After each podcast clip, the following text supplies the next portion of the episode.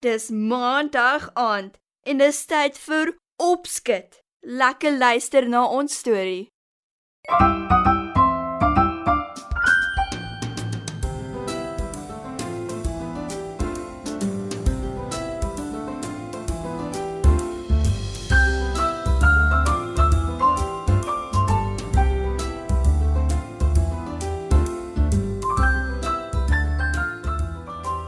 Goeienaand maats. In vanaand se storie Heerlike pynappels vertel ek julle hoe belangrik dit is om 'n belofte te hou.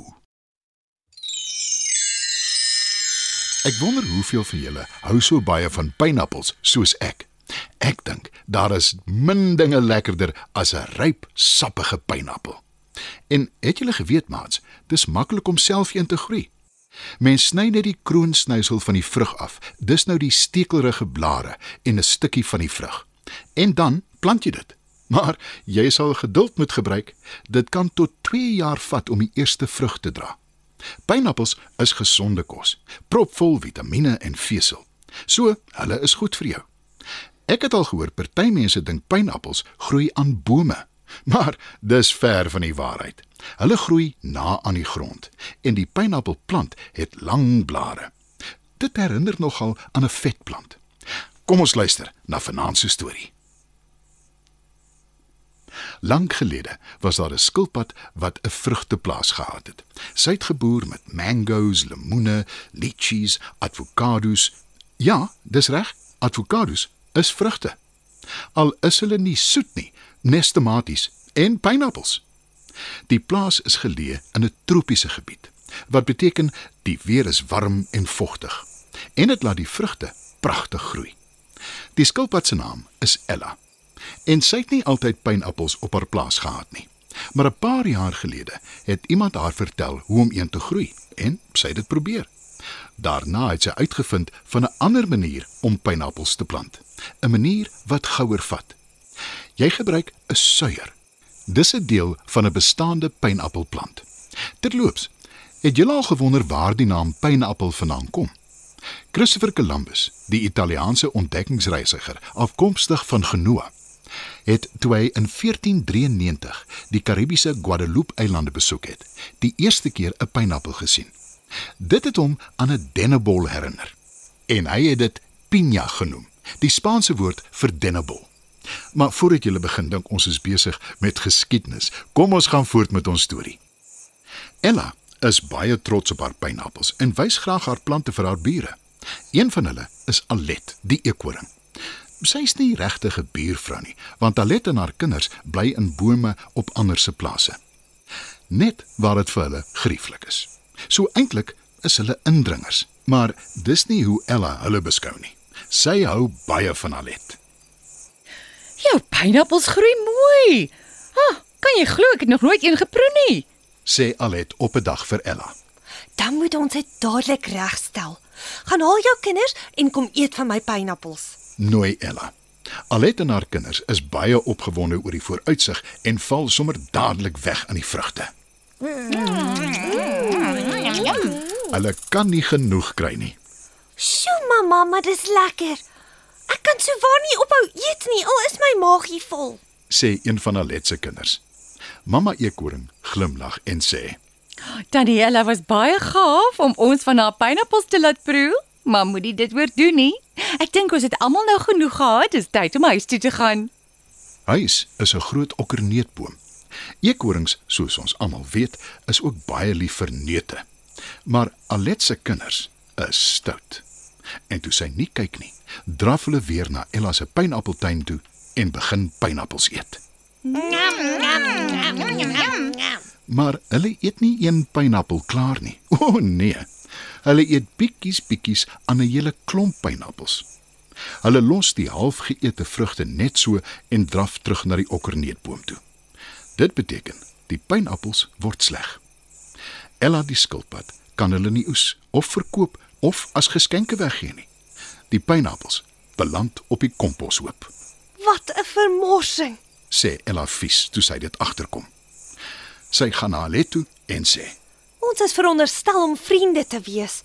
Ek het toestemming gegee dat jy en jou kinders van my pineappels eet, maar nou is daar gemors met die vrugte. En ek moes 'n groot deel van my oes weggooi. Ek weet daar niks van af nie, Ella. Ontken Alet. Wel, dan beter jy jou kinders vra wat hulle agter jou rug aanvang en hulle in toom hou in die vervolg. Sê Ella. Toe draai sy om en loop weg. Alet voel sleg en sy vra haar kinders of hulle die pynappels half geëet en gemors het. Hulle kyk skuldig na mekaar en sê niks nie. Julle beter vir my die waarheid vertel. As julle stout was en jammer sê, kan ons dinge regmaak.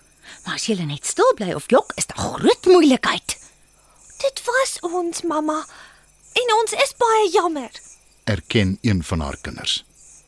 Alet sug en sê: Ag, dan beter ek tant Ella besoek en haar om verskoning vra. Dis 'n groot verleentheid en ek is regtig vies vir julle. Sy gaan na haar skilpadvriendin se plaas toe en vertel Ella die waarheid. Ella dink 'n oomblik na en sê: Omdat ons vriende is. En omdat ek weet kinders vang partykeer katte kwaad aan, sal ek hulle vergewe. Baie dankie my liewe maat. Sê Alet verlig. Toe waarsku Ella. Maar as dit weer gebeur, belet ek jou en jou stout kinders van my plaas. Dit sal nooit weer gebeur nie. Dit beloof ek jou. sê Alet. Maar sy het te gou gepraat, want haar stout kinders gaan weer na Ella se plaas toe en hulle plunder weer haar pynappels. Die keer is Ella die skilpad, nie kwaad nie. Sy is woedend. Sy kry al haar bure bymekaar en kondig aan. Alet en haar onhebbelike kinders moet verban word van ons almal se plase af.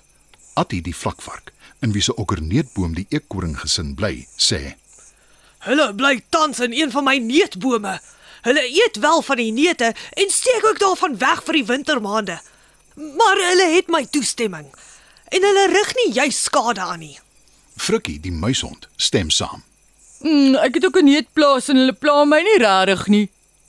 Wel, die eekorings het bykans my hele pineappeloes vernietig. Wag totdat dit julle beurt is om verkil te word en dan praat ons weer. sê Ella. Haar bure beraadslaag onder mekaar. Toe sê Cassie die kraai. Helaas reg.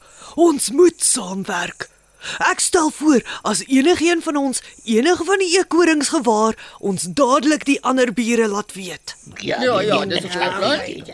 Die ander bure stem saam. En Ella sê: Dan is dit reg so. Die eekorings moet weg. Alet en haar kinders skrik groot toe hulle hoor hulle mag nie meer op enige van die plase kom of enige van die kos eet nie. Wat gaan ons doen, mamma? Vra een van haar kinders benoud. Sal met tannie Ella gaan praat. Antwoord Alet. Sy probeer na Ella se plaas toe gaan, maar word dadelik voorgekeer deur Frikkie vlakvark. Geen toegang, eekoring. Roep hy. Alet pleit. Ek wil net met Ella praat, groot asseblief. Net toe kom Ella nader geloop. Die tyd vir praat is verby. Sê sy. Maar ek het om verskoning gevra en jy het my vergewe. Sê Alet. Dis alles waar. Maar jy het ook beloof jou kinders sal nie weer skelm van my pineappels eet en daarmee mors nie.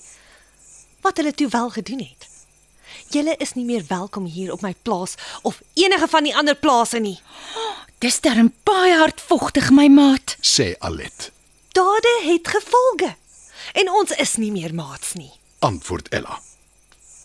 Enige iemand kan 'n fout maak, maats. Ons maak almal foute en dis belangrik om iemand te vergewe. Maar as hulle moedswillig is en oor en oor dieselfde fout maak, dis heeltemal 'n ander storie, nie waar nie?